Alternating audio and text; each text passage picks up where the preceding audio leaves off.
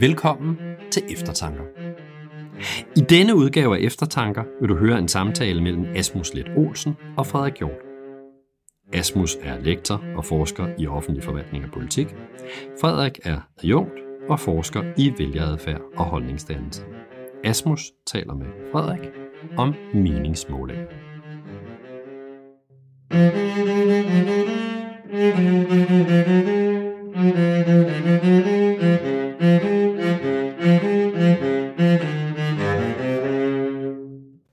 til øh, denne næste udgave af vores podcast. Øh, mit navn er Asmus Lette Olsen. Min gæst de næste 30-35 minutter er Frederik Hjort. Velkommen til dig. Tak for det. Dagens tema er meningsmålinger. Øh, og vi har inddelt det øh, i tre dele. Først skal vi snakke lidt om meningsmålinger. Kan de overhovedet bruges til noget? Vi leger djævelens advokat. Så har vi et lille segment, vi kalder overvurderet eller undervurderet. Og så har vi en, en tredje del, hvor vi så kigger lidt frem og siger, øh, hvad er de her meningsmålinger, hvordan skal vi egentlig kommunikere dem? Men lad os starte med, med det her, med det her, øh, med det her meningsmålingsspørgsmål. Og øh, hvis man tænder for, for, for medierne i dag, så vil man høre en masse kloge mennesker sige, at meningsmålinger, de kan ikke rigtig bruges til noget. Og det kan måske også nogle gange være sandt. Jeg tænker, at vi kan starte vores historie øh, den 8. november, tirsdag 2016. Øh, der sidder du på Times Square i New York. Øh, hvad, hvad er det, der foregår der? Ja, jeg er, jeg er hævet ind øh, af DR2 øh, for at kommentere på aftens begivenheder. Der er præsidentvalg i USA, og alle har i løbet af dagen gået, selvfølgelig ventet på den store aften. Øh, man har forberedt sig i overvis nærmest, og, og op ad dagen går man, og man kan måske sige, at rent ligesom fra mediernes side prøver man at piske lidt øh, spænding ind i en valgkamp, som virker i realiteten en lille smule kedelig, i hvert fald i termer af resultaterne. For det her, øh, Hillary Clinton har ført i meningsmålingerne fra start til slut. Det ligner en ganske sikker sejr til Hillary Clinton. Det sneder en lille smule ind til sidst, men ikke desto mindre. Øh, Hillary Clinton har det, man kalder the blue wall, altså den blå mur i de øvre midtveststater, som tilsammen giver hende rigeligt de 270 valgmænd, hun skal bruge. Øhm, som sagt, journalister prøver at piske stemning ind, og jeg, jeg tænker måske også lidt som, som forsker have mere ligesom strukturelt, mere nøgternt blik på det. Og en del af det er selvfølgelig at mane til besindighed. Der er ikke så meget spænding, som man tror, det er. Øh, alt, alt tyder på en, en ret sikker sejr til Hillary Clinton. Så hvad, hvad er nogle af de ting, du, du for eksempel fortæller de, de her seere på, på DR2 i løbet af aftenen? Hvad, hvad, hvad, ligesom, hvad er din læsning af, af de data, vi, vi har på forhånd, når, når de første resultater løber ind? Altså det er jo sådan, at øh, på grund af det valgmandssystem, man har i USA, så måden man vinder på, det er ved at vinde en række stater, som så til sammen summer til 270 eller flere valgmænd. Og det jeg fortæller, det er, at når man ser på de målinger, der er i de stater, så er det meget nemt at tælle til 270 for Hillary Clinton. Der er ret mange stater, som øh, hun har en ganske klar føring i, i målingerne i de stater, og de summer til 270, og det er derfor, det ser meget, meget svært ud for Donald Trump, og rigtig godt for Hillary Clinton. Så prøv at, så, så prøv at tage os igennem aftenen, så, så, sker der, så, så får vi jo noget ny information, øh, resultater begynder at løbe ind, øh, hvordan, hvad, hvad, hvad, hvornår begynder det at gå op for dig, at, at, at, at man er lidt på vildspor, hvis man har det helt fulde perspektiv på tingene? Ja, altså aftenen flyder lidt sammen for mig. Jeg, altså, jeg er også lidt træt, og det er koldt. Det skal ikke være nogen undskyldning. Øh, resultaterne kommer ind og ligner nogenlunde, hvad man skulle tro. Øh, så vidt jeg husker, så øh, kommer det rim, rimelig hurtigt ind, at Hillary Clinton ser ud til at tabe Florida, og øh, også at hun ser ud til at tabe Ohio. Og det svarer til en, et noget dårligere valg, end man havde regnet med. Men altså overhovedet ikke katastrofalt i den forstand, at det er stadigvæk nemt for hende at tælle til 270. Og så kommer, øh, så kommer Virginia ind. Virginia er en stat, som hun ser ud til at vinde rimelig sikkert øh, i målingerne. Og det er ikke til at se, om hun overhovedet vinder Virginia. Det ender hun så med at gøre, men det ved man ikke på det tidspunkt. Pennsylvania kommer ind, og det ser ud som om hun taber Pennsylvania, hvilket man overhovedet ikke havde regnet med. Og det er, øh, og der er nogle minutter, som alligevel står ret klart i min erindring. Det, det er tydeligt for mig, at der har været noget helt galt med den måde, vi har tegnet det her landkort på. Vi har, vi har, vi har gættet, hvordan den her aften vil forløbe. Der er nogle stater, som var i, i ligesom modellernes beregning langt, langt inde i den blå kolonne, og som Hillary Clinton ser ud til ikke at kunne klare. På samme tidspunkt øh, har New York Times øh, sådan en måde at indikere valg, valgets outcome på, som er sådan en slags termometer med sådan en viser, som står og dækker. Og den går fra at være helt trygt over i Hillary Clintons kolonne til at stå og vibrere faretruende. Og det er, altså når jeg engang imellem vågner med koldsved midt om natten og tænker tilbage på den aften, så er det den der hissigt vibrerende viser i de der, øh, i de der timer, hvor det hele vipper, som, øh, som står ætset øh, for mit indre blik.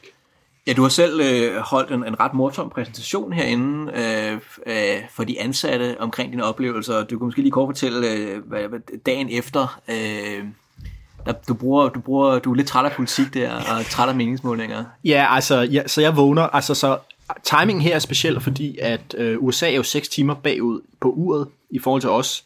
Og det betyder, at for danske seere, så har folk, der har blevet længe op, de har set...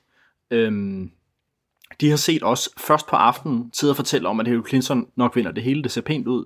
Og så i de timer, hvor de fleste mennesker sover, det er der, hvor, hvor he, hele det her panikteaterstykke udspiller sig. Og over tid, så fatter vi selvfølgelig, hvad der er sket, og vi begynder så at efterrationalisere.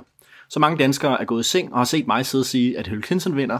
Og så står de tidligt op og tænder for fjernsynet, og så sidder jeg helt nøgtern og forklarer, hvorfor Donald Trump har, har vundet. Øh, så jeg vågner næste morgen på mit øh, hotelværelse. Øh, aftens festligheder var noget mere afdæmpet, end jeg havde regnet med. Og der er 18 mistet kald på min mobiltelefon fra danske medier, som selvfølgelig gerne af, vil prøve at afkræve sig en forklaring. Jeg beslutter mig for mit mentale helbreds skyld og ignorere dem alle sammen. Øh, og jeg går mig en tur i Central Park, hvor solen skinner. Det er en rigtig flot dag, mm. den 9. november øh, 2016. Og jeg stiller mig og tager et billede af øh, skøjtebanen i øh, Central Park, som, øh, det, som står utrolig flot på den her øh, efterårsdag. Øh, og da jeg så kommer hjem, så ser jeg på billedet, at banderne i, øh, i skøjtebanen bærer navnet på den øh, rigmand fra byen, som har sponsoreret øh, skøjtebanen, nemlig Trump. Og det er et meget fint symbol på, at øh, den aften kommer nok aldrig rigtigt til at slippe mig. Så kunne vi jo i princippet stoppe det her, fordi at denne her historie, den lyder jo som om, at øh, den egentlig bekræfter den teori, som fremtrædende journalister og mellemledere i større medieorganisationer turnerer meget med for tiden, nemlig meningsmålinger er meningsløse, og Trump-valget var det primære eksempel på, at de leder, kan man sige, journalister og forskere i fordærv på, på forskellige vis. Men, men, men, men historien er mere kompliceret. Ja, og altså, jeg, øh, jeg, jeg lever ikke af meningsmålinger rent kommercielt, så jeg, det, det her er jo ikke, øh, jeg er jo ikke en branchemand på den måde, men jeg bruger den statistiske teknologi, som meningsmålinger bygger på i min egen forskning, og derfor er jeg selvfølgelig optaget af, at øh, øh, om det er et vedlidt instrument. Og det synes jeg, at det samlet set er.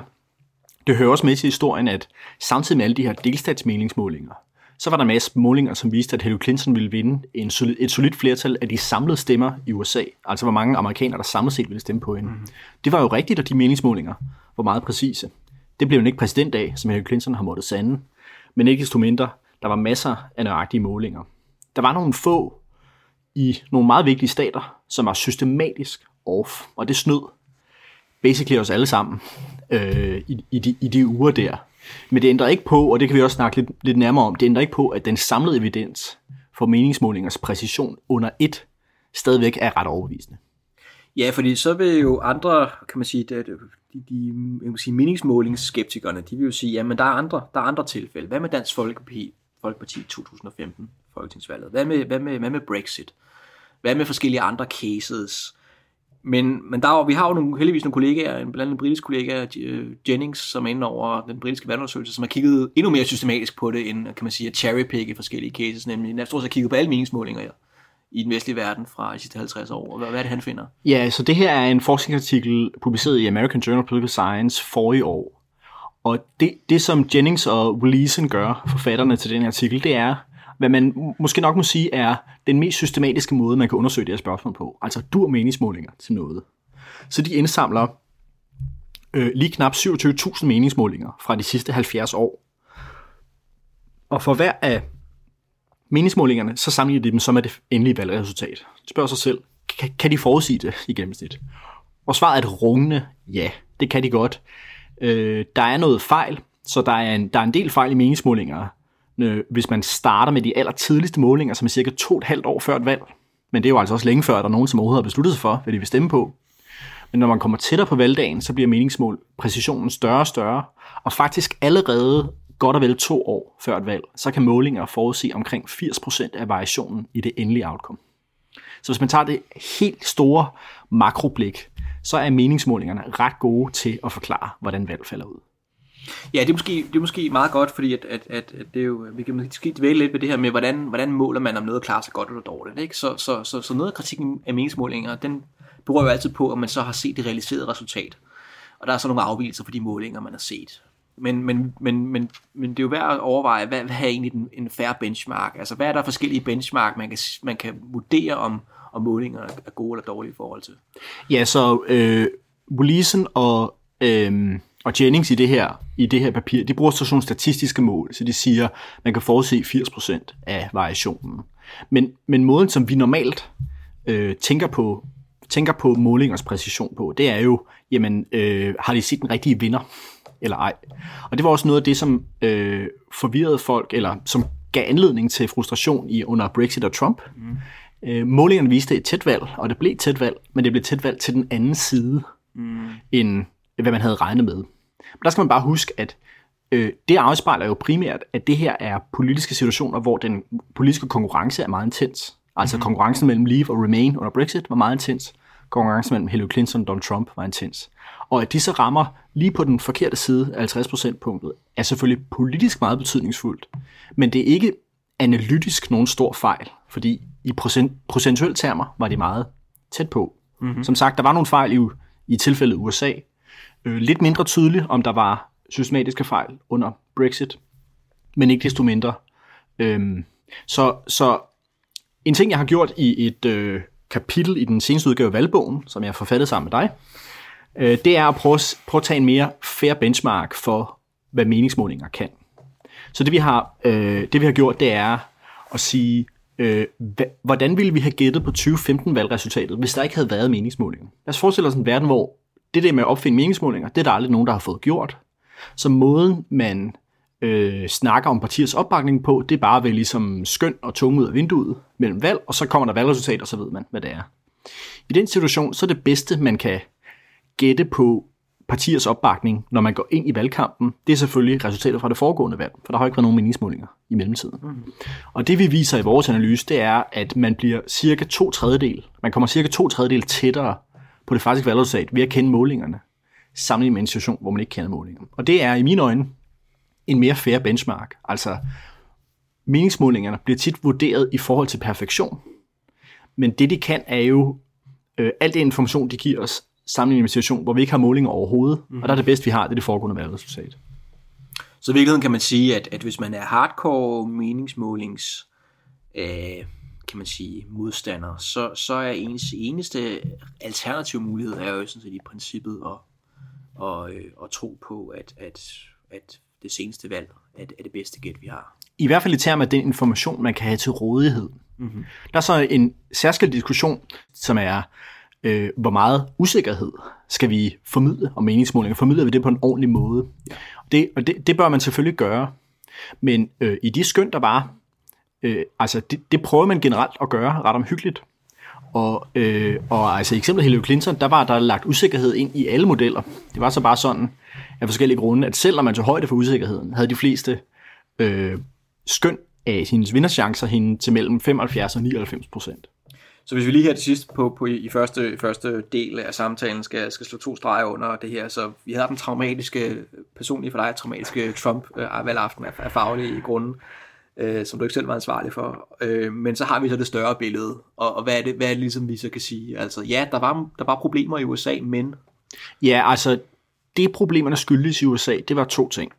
Bare for at, at, at, at sømme den ordentligt fast. Vi kan senere, altså når vi, øh, hvad hedder det, når vi har gravet ned i tallene bagefter, kan vi se, at der var to ting, som forsagede misæren her i USA. For det første, så havde Trump en reel stigning i populariteten til allersidst. Der er sådan en debat om, har der været noget i mediedækningen, som hjalp ham på vej og sådan noget. Men for what it's worth, Donald Trump gik fremad i sin faktiske opbakning til allersidst, og det er selvfølgelig svært for målinger at fange, fordi de fanger altid nogle dage bagud. Vigtigere endnu, og mere problematisk for meningsmålinger, så øh, er det tydeligt, at man i, især i de her midtveststater, som Trump endte med at vinde meget overraskende, har man undersamlet lavt uddannede mennesker. Altså man har udtrukket for få mennesker med kortere eller ingen videregående uddannelse, og de mennesker stemte disproportionalt meget på Trump, også i forhold til, hvor meget de ville stemme på republikaner tidligere. Og dermed skabte man et kunstigt billede af, at Hillary Clinton stod meget stærkt i de stater. Så det var en fejl. Mm. Det kan man korrigere for statistisk nu, og det kan jeg garantere for, at det gør de firmaer så fra nu af. Øh, men det var kilden til fejlen. Samtidig er det så sådan, at når man ser på tværs ud over altså målinger i hele verden, så er de samlet set meget pålidelige, og det bør betyde, at vi i fremtidige valg generelt bør tro på, at de leverer et retvisende billede. Ja, i den sammenhæng kan man måske afslutningsvis sige, at, at der er jo ikke noget af det der, der tyder på, at de danske målinger uh, stikker ud fra, fra de øvrige i den forstand. Nej, så når vi sammenligner øh, et samlet mål for usikkerheden i målinger, der hedder root mean squared error, i det danske valg med øh, opgørelsen af det samlede, øh, det samlede mål i målinger i hele verden, så peger det på, at danske meningsmålinger faktisk er betydeligt mere nøjagtige, end de er i resten af verden. Så om noget bør vi have lidt mere, fæstne lidt mere lid til målinger hos os, end vi gør i andre lande. Så sådan en, en, en overdreven kritisk holdning til meningsmålinger er generelt ikke velbegrundet, og den er måske særligt ikke velbegrundet i en, i en dansk kontekst. Udover at man selvfølgelig skal forholde sig kritisk til alt.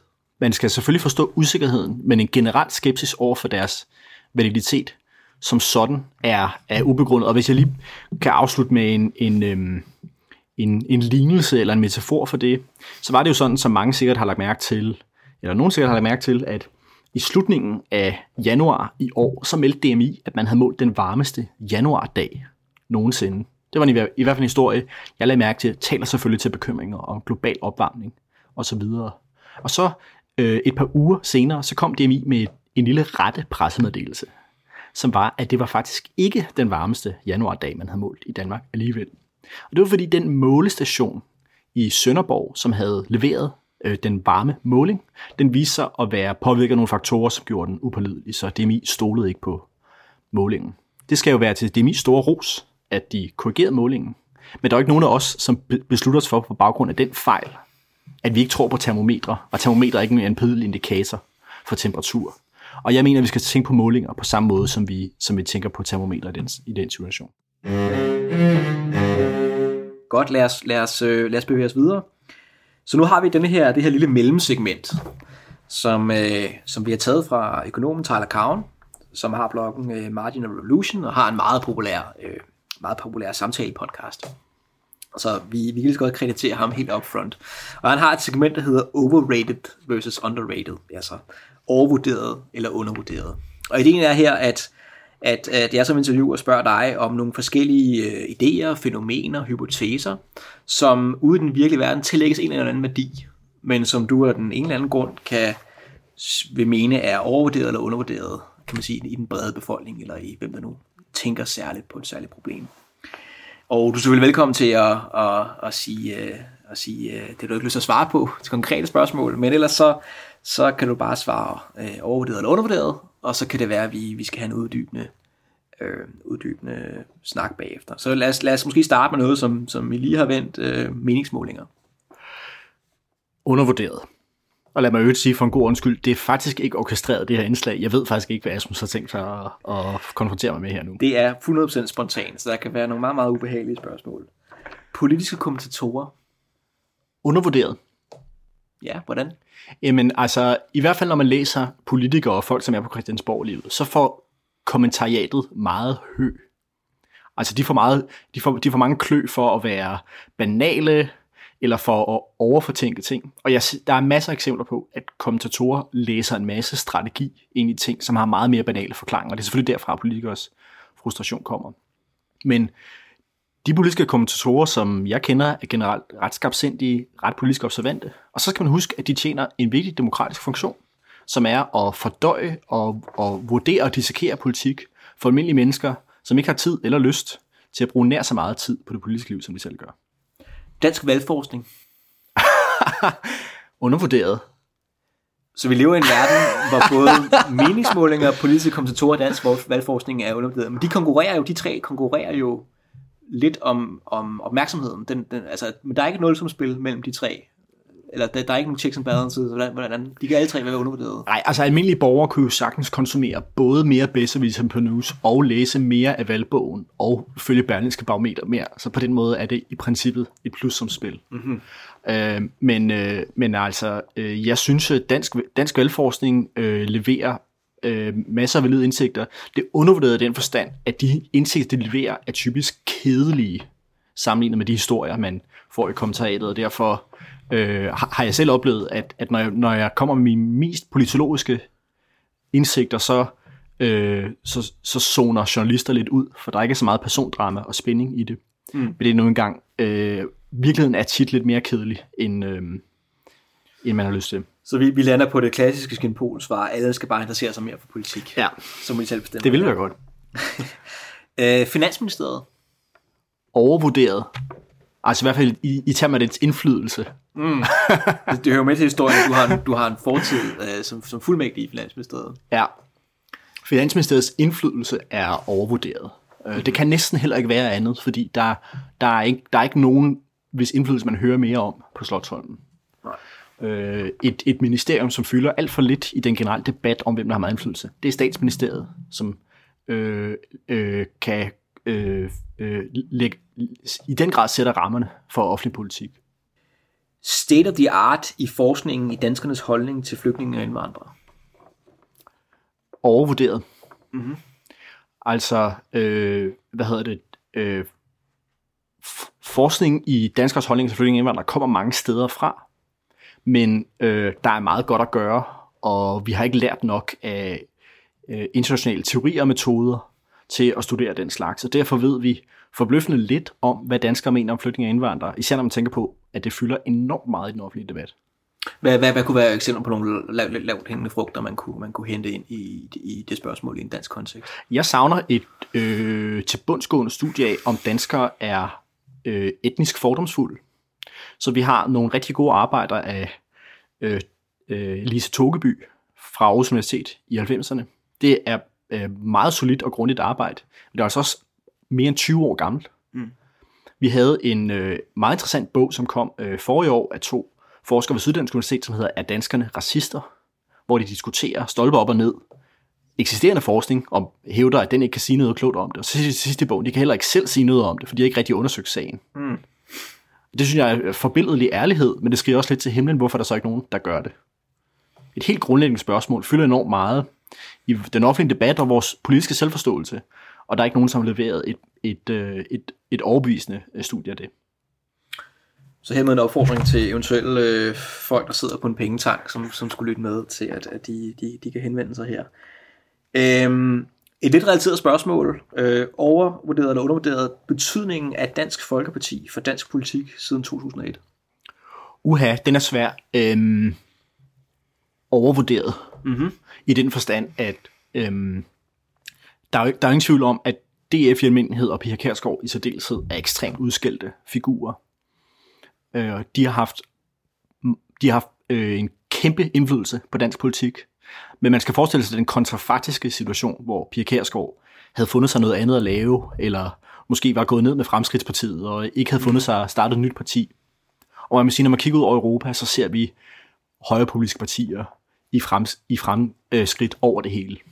Så DF har på den måde formentlig fremskyndet en udvikling, som ville have fundet sted, eller der er initieret af nogle andre i deres fravær.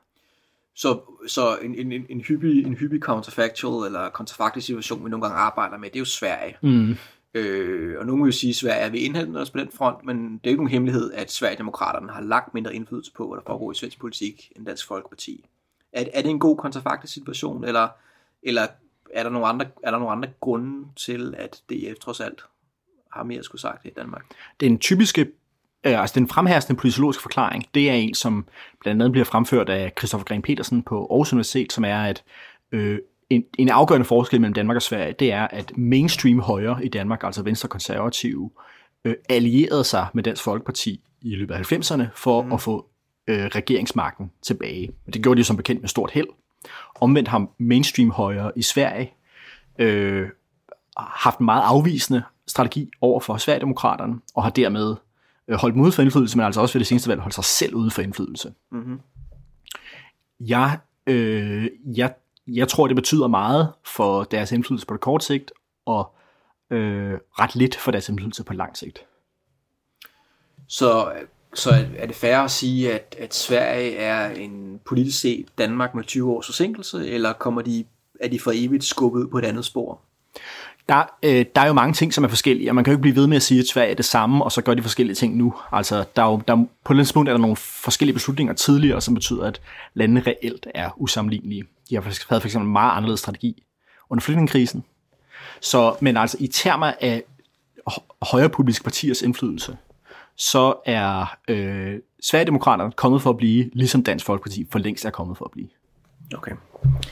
Næste øh, ting, det her, det er øh, overvurderet eller undervurderet. De gamle partiers, de fire gamle partiers krise i Danmark.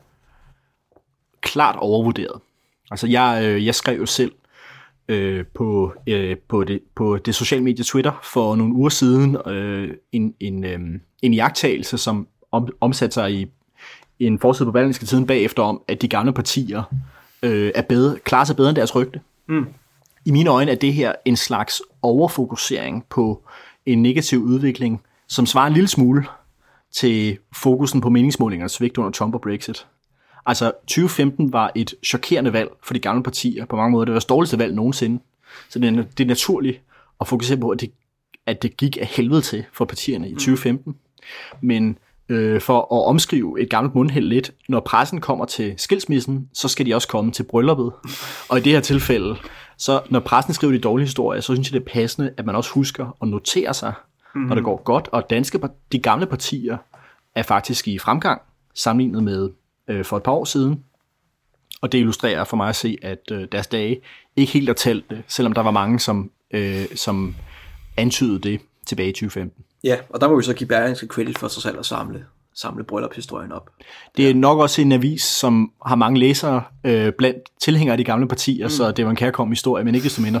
Øh, næste, næste spørgsmål, det er så øh, overvurderet eller undervurderet betydning af mediernes øh, brug af etnicitet på gerningsmænd i forbindelse med forbrydelser.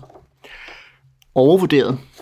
Øhm, der er en fortælling om, at øhm, etniske stereotyper om kriminalitet udelukkende er et medieprodukt, som florerer. Altså grund til, at danskere har holdninger øh, om sammenhæng mellem indvandring og kriminalitet, afspejler negativ mediedækning.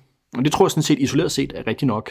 Men det er en forklaring, som er totalt dominerende, både i offentligheden og faktisk også i forskningen i etniske stereotyper. Så noget af det viser i en nylig forskningsartikel, som, som udkom øh, i slutningen af sidste år, det er, at øh, der er, der er ret overbevisende evidens for, at stereotyper også kommer nedefra, det vil sige fra folks hverdagserfaringer. Man skal forestille sig folk, som bor i en forstad til København, hvor der er meget indvandring, og også meget kriminalitet. Ikke nødvendigvis udtryk for et direkte sammenfald, men ikke så mindre noget, som folk erfarer i deres daglige liv. Og man kan se, at folk, der lever i, i, i, de, i de typer områder, også har mere øh, stærke etniske stereotyper om kriminalitet. Og det indikerer for mig at se, at den her meget ensidige medieforklaring øh, overhovedet ikke er fyldesgørende. Så slutter vi med, med tre, tre begreber, som jeg, jeg kæder sammen under et. Du er velkommen til at vurdere dem enkeltvis, men jeg, jeg, jeg, jeg gætter på, at din, din vurdering af de tre er den samme. Igen, vi har ikke, det er ikke noget, vi har snakket om, men begreberne fake news, ekokammer og filterbobler. Klart overvurderet. Øh, det er meget naturligt at bekymre sig meget om den her slags ting, og når man, man mærker i offentligheden den her idé om, at sociale medier er øh, undergravende for vores demokrati, mm-hmm. fylder enormt meget, og det er så de her fake news, ekokammer, filterbobler, som florerer. Det er distinkte fænomener. Men den nyeste empiriske forskning, vi har, herunder også øh, noget, som jeg har lavet i samarbejde med professor Rebecca Adler Nissen fra det institut, mm-hmm. peger på, at det er ret begrænsede fænomener. Øh, og dermed mener jeg, at øh, hvad hedder det, der det repræsenterer demokratiske problemer, men på en liste, man kan forestille sig at opgøre over vigtige demokratiske problemer, vil de ting ende ret langt nede. Mm-hmm. Men vi har jo nogle kollegaer ude på, ude på Humaniora under ledelse af Milton Henriks og andre, som har en masse penge til at kigge i de her sager. Er det, er det så bare spild af tid, eller, eller hvad, øh, hvad, hvad, det er selvfølgelig hårdt sagt, så det, det, det kunne vi aldrig på at sige, men, men hvordan øh, altså, leder vi ligesom til, har vi tændt lomlygten det helt forkerte sted? Øh, når det er ikke spild af tid, og det er jo naturligt nok, øh, hvis, der, hvis der er et sted, der er mørkt, så skal man jo tænde lomlygten og mm. undersøge det. Jeg mener, at forskningen har fungeret ret funktionelt her. Øh, så vi har, vi har haft noget meget solid empirisk forskning, øh, som, som har undersøgt de her ting. Mm-hmm. Og, og de mest øh, omhyggelige studier, vi har, peger på, at det findes, de her ting, men i ret begrænset omfang, og derfor øh, så må forskningen selvfølgelig også reagere rationelt og, og konkludere, at det er et relativt småt problem, sammen med alle mulige andre problemer, vi kan forestille os. Ja, vi kan måske lige til sidst vende, at vi har jo en, en, en, en kollega i godstegn på, på Dartmouth øh, College, Brendan Nyhan, som jo, vi vil kan nok nærmest, nærmest sige, var interesseret i de her ting, før de blev mainstream. Og han har nogle nyere papirer ude øh, med noget af de her ting, ikke? Jo, så øh, det, noget af det, Brendan Nyhan har gjort, som er meget overbevisende, det er at surve nogle mennesker i løbet af valgkampen 2016, og samtidig indhente data fra deres forbrug af øh, deres for besøg på internetsider via deres mobiltelefon. Så det er altså ikke øh, noget, de siger, de selv har gjort, det er deres faktiske besøg. Og det man kan se, det er, at øh, besøg af øh, besøg på såkaldte fake news historier er øh, ret begrænset. Vigtigere endnu, og så en af Brendan Nyhans medforfattere, Andrew Guest, har et, øh, et, en supplerende forskningsartikel, som kigger på, hvilke mennesker, der konsumerer meget, meget biased nyhedssider. Altså man kan forestille sig sådan noget Breitbart eller de her sider, som har floreret mm. meget. Og den særlige indsigt i det her studie, det er, at mennesker, der konsumerer store mængder af det her filterboble-agtige øh, nyhedsunivers, det er meget politisk interesserede mennesker, og derfor konsumerer de generelt en ret bred nyhedsdiæt. Hmm. Så mennesker, som konsumerer rigtig mange meget biased nyhedssider, og ikke noget andet, de er sjældne, fordi det er folk, som er så politisk interesserede, at de også konsumerer alt muligt andet. Hmm. Godt. Jeg synes, det var... Det, lad os, lad os, lad os, det var det sidste svar her i vores underved over det, og det var også en lang liste. ja. jeg, jeg kunne på princippet spørge om alt, øh, så, så lad, os, lad os bare stoppe her, mens, mens lejen er god. Så, så har vi tredje sidste lille, kan man sige, del her. Øh, afslutningsvis, øh, vi har snakket om forskellige fænomener over det undervurderet, og vi startede med at snakke om meningsmålinger, mm. som vi som har været det under, under baggrundstæppet for, for mange af de her ting. Fordi mange af de her spørgsmål, vi snakker om før, men det er danskers holdning til indvandrere, eller fake news, eller Dansk Folkepartis tilslutning, så er det via meningsmålinger, vi, vi måler det. Det er vores måleinstrument. Så spørgsmålet er, hvordan vi i fremtiden kommunikerer nogle af de her ting. Og et udgangspunkt for, for at snakke om det, det har jo været en, en debat, som man har kunne følge på, på Twitter, men som har bund i en faktisk forskningsartikel, og, og, og kan man sige, vigtige diskussioner, som har været mellem øh, øh, en, en, en forsker, som nu arbejder på, på Pew øh, Research, Solomon Messing, og så øh, og kollegaer, og så øh, Nate Silver, som mange af folk kender fra bloggen 538. Hvad, hvad er det for en debat, de har haft, og hvad, hvad, hvad er det sådan den udgangspunkt for den? Så debatten her, den er rejst af øh, den, før, den første, du nævnte her, Solomon Messing, øh, som sammen med to kolleger øh, har skrevet et paper, som argumenterer for, hvis jeg skal sætte det lidt på spidsen, at Nate Silver, øh, den type journalistik, eller den type forecast, som Nate Silver præsenterer, bidrog til at demobilisere Clinton-vælgere i 2016. Mm. Så det sætter det lidt på spidsen, men bare for at forstå, hvad kernen i argumentet er. Når man præsenterer de her forecast, som siger, at Hillary Clinton havde 75 eller 88 eller 99 procent sandsynlighed for at vinde, så er der mange af Hillary Clintons vælgere, som konkluderer, at så kan de lige så godt blive hjemme, og det var der så mange af dem, der gjorde. Det er kernen i Solomon Messings argument. Som sagt, øh, jeg, jeg føler mig i princippet en lille smule ramt her, og jeg har selv siddet der og refereret de her tal på live tv, så det gør selvfølgelig ondt. Jeg kan måske trøste mig med, at der er nok ikke så mange amerikanske vælgere, som ser DR2 på valgaften. Men, men øh, men det er ikke desto mindre argumentet. Og man kan måske nok forestille sig, at det Silver har følt, at det gik ham lidt for nær det her, den her påstand om, at han har været med til at demobilisere Clinton-vælgere. Mm-hmm. Så han har reageret meget, meget hårdt imod den her påstand. Hvordan, øh, hvis du skulle, skulle ligesom øh, kigge på vægten, hvem, hvem, hvem synes du PT, der står, øh, for det er, jo, det er jo en hård kritik. Mm. Øh, det er jo Ned Silvers, øh, kan man sige, øh, levevej. Øh, Øhm, så hvad, hvordan, hvem har ligesom en PT vundet her første runde? Det man skal, øh, det man skal hæfte sig ved i, i termer af den her debat, det er, at Solomon Messings forskningsartikel, som lige nu bare er et arbejdspapir, er meget overbevisende. Arbejdspapiret viser, at når man præsenterer folk for folk øh, øh, de her probabilistiske forecast, altså siger, at den her kandidat har 90% eller 87% sandsynlighed for at vinde, så fortolker de det som om, at den kandidat har meget høj sandsynlighed for at vinde. Det lyder super banalt, fordi det er jo det, man lige har fortalt dem. Men det er ikke desto mindre anderledes, end hvis man siger til dem, at den her kandidat har for eksempel 60% opbakning. Så en kandidat har 60% opbakning, er, er, har en meget, meget solid føring. Altså det er jo, du ved, forestil jer, at Blå Blok ført med, havde 60% i meningsmålinger. Ikke? Mm. Altså champagnepropperne ville springe i partikontorerne. Men vælgere forstår ikke, at det er en meget, meget solid føring. Mm. Hvis man fortæller de termer af, at de har en sandsynlighed på 90%, så forstår vælger godt, at det er en meget, meget solid føring. Mm. Så på en måde kan man sige, at det Nate Silver har gjort, og det er også det, som Messing hævder, det er, at han har forklaret på en mere intuitivt forståelig måde, hvor sikker deres føring er. Han viser så samtidig, at hvis man beder folk om at spille en slags online-spil, hvor incitamenterne er lidt ligesom, at man skal stemme, altså at man kan investere nogle kræfter for at stemme, og så er man mere sikker på et godt udfald, men man risikerer selvfølgelig at have spildt sine mm. kræfter, hvis kandidaten vinder alligevel, så reagerer folk, som man skulle tro, altså de vælger øh, at lade være med at stemme, hvis de tror, at kandidaten vinder alligevel. Igen, det giver jo god mening. Mm. Altså hvis man tror, at kandidaten er sikker, så kan man lige så godt blive hjemme. Især i USA, hvor det faktisk er ret krævende at stemme. Og det viser simpelthen bare, at når folk ser de her forecasts, som er angivet i procenttermer, i stedet for i termer af partiernes opbakning, så har de nemmere ved at forstå, at kandidaten, der fører, sidder sikkert i sadlen, og dermed mere tilbøjelig til at reagere på det. De viser samtidig, at læserskaren blandt medier som 538 er meget venstreorienteret. Det er måske heller ikke nogen overraskelse, men det betyder selvfølgelig, at der er uforholdsmæssigt mange Clinton-vælgere, som har læst Nate Silvers artikler, mm. og igen konkluderet, at der var ikke noget at gøre.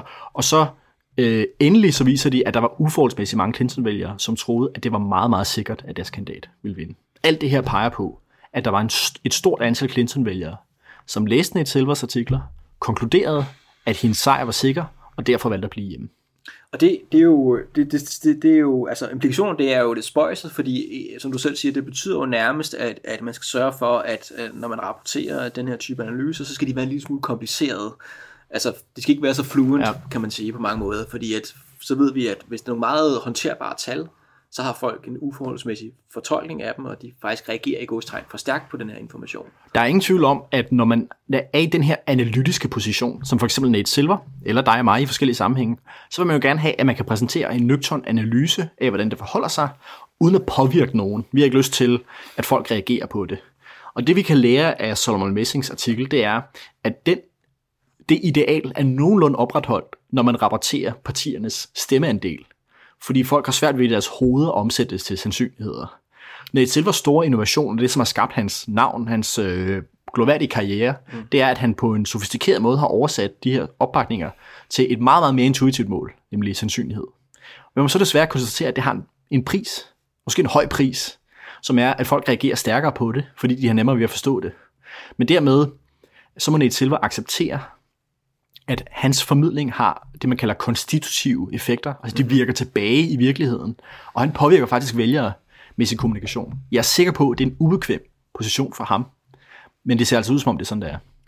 Og, og det skal så siges i den forbindelse, at, at det kan jo også give anledning til, til selvreflektion hos, hos begge. Vi har i, ved flere lejligheder ved valg øh, publiceret den her type grafik, som er sammenlignelig med, med nogle af de overordnede størrelser, som Nate Silver publicerer. Det har vi gjort i samarbejde med med, med Martin Vines Larsen fra Aarhus Universitet og med Jens Olof Dalgaard fra Copenhagen Business School. Og, øh, og det kan vi jo så også overveje lidt fremadrettet, hvad det skal have konsekvenser. Øh, jamen, det, jeg synes også, at den her forskning stiller vores eget arbejde i et øh, suspekt lyst, eller, eller, eller det er værd at reflektere over. Vi har jo præsenteret det, så vi præsenterede for eksempel i 2015-valgkampen en grafik, som sagde, at sandsynligheden for, at øh, Blå Blok ville vinde på baggrund af de tal, vi havde på det tidspunkt, var nogen af 80 procent. Jeg kan ikke huske det præcis tal. Ikke? Men det, det var peget overvældende på, at Blå Blok ville vinde. Det gjorde de jo, så der var ikke nogen, som kom og hældte held skidt ud over os bagefter, fordi det vi sagde ville ske, det skete faktisk. Så hurra for det. Men det er selvfølgelig værd at overveje. Det, vi har jo lavet det samme. Har det haft de samme virkninger? Mm. Øh, det mener jeg, vi må være ærlige at sige, at det er meget muligt, det har det. Mm-hmm. Så der kan have været nogle venstrevælgere, som blev hjemme, fordi de troede, den var hjemme, osv. Men øh, jeg må bare sige, som forsker i almindelighed, og som offentlig ansat forsker i særdeleshed, jeg kan ikke leve med en konklusion, hvor, som er, at jeg skal forholde offentligheden meningsfuld information. Mm. Så, så øh, hvis vi er i en verden, hvor at nogle tal er uforståelige, og vi er bange for konsekvenserne, hvis vi gør tallene nemmere forståelige for offentligheden. Mm. Det kan ikke være et rimeligt modsvar at sige, at vi skal vi skal holde, øh, holde information, vi har, dunkel og uforståelig for offentligheden. Nej. Svaret må i stedet være at formidle usikkerheden bedre, gøre vores modeller bedre, gøre vores formidling af usikkerheden i modellerne bedre. Og der har vi tydeligvis et stykke arbejde at gøre. Så der er noget at se frem til her ved et eventuelt øh, kommende folketingsvalg. Øh, man kunne jo så sige, jamen øh, det er fint. Øh, øh, der, vi startede med at snakke om personer, der, der, er, der mener, at meningsmålinger slet ikke kan bruges, og nu har vi så fundet ud af, at der kan være måder at kommunikere meningsmålinger på, som, som, som giver et forkert indtryk af valgets tæthed. En, en, en, en tilbagevendende diskussion, det er jo, det er jo forbud af, mod meningsmålinger, primært i valgkampe. Øh, hvad, er ligesom, hvad er ligesom de gode argumenter for, hvorfor det ikke er en, er en løsning? Altså, det kunne jo godt være en god løsning, skal vi huske på. Det kan godt være, at det er en god idé. Vi har jo lige set det italienske valg, hvor meningsmålinger er forbudt de sidste to uger af valgkampen. Det gav ikke mig indtryk af en, af en synderligt meget mere ordnet eller, eller demokratisk sund proces af den grund. Jeg mener, det, det centrale argument i den her sammenhæng, det er, at teknologi kan ikke afopfindes. Det er sådan med en masse gode og dårlige teknologier, vi har, at når de en gang er opfundet, så er den, den viden findes og kan ikke forsvinde igen. Så en verden, hvor vi forbød meningsmålinger, det vil være, hvor der var en teknologi, som øh, blev brugt af politiske partier til at ringe rundt. Der er jo ikke nogen, der forestiller sig, at man skal forbyde overhovedet at lave meningsmålinger. Men medierne er forbudt at offentliggøre dem, og dermed har man politisk meningsfuld information, som er reserveret til en, en, en, øh, en, en politisk elite på Christiansborg. Det mener jeg er uholdbart. Man vil sige, når, når teknologien findes, så må vi i det mindste sørge for, at den er så den er udbredt til den demokratiske offentlighed i det videst mulige omfang. Ja, så det du siger, det er, at, at partierne vil fortsætte med at lave meningsmålinger, og de vil selvfølgelig holdes internt, fordi vil i princippet være ulovlige, kan man sige, at formidle. Ja, og det, og det er jo heller ikke i interesse for det enkelte parti at formidle dem. Det er jo værdifuld information, det er også derfor partier gør det i dag. Så i en verden, hvor vi forbyder offentliggørelse, det vil bare betyde, at almindelige vælgere ikke kunne vide det, som politikere og partisekretærer og konsulenter inde på Christiansborg ved. Og det, det mener jeg ikke er et demokratisk sundere samfund. Godt, så, så konklusionen må være, at, at meningsmålinger fungerer. Vi har nok ikke helt fundet ud af, hvordan vi skal kommunikere dem, mm. men det er nok ikke en løsning at forbyde dem. Præcis. Det tror jeg øh, er en rigtig, rigtig fin konklusion på vores samtale. Det synes jeg også, det er. Øh, tak for snakken, Frederik. Ja, velbekomme.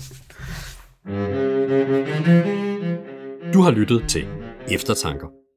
Eftertanker er produceret af Institut for Statskundskab ved Københavns Universitet. Du kan læse mere om instituttet på vores hjemmeside eller på Facebook. Tak fordi du lyttede med. thank you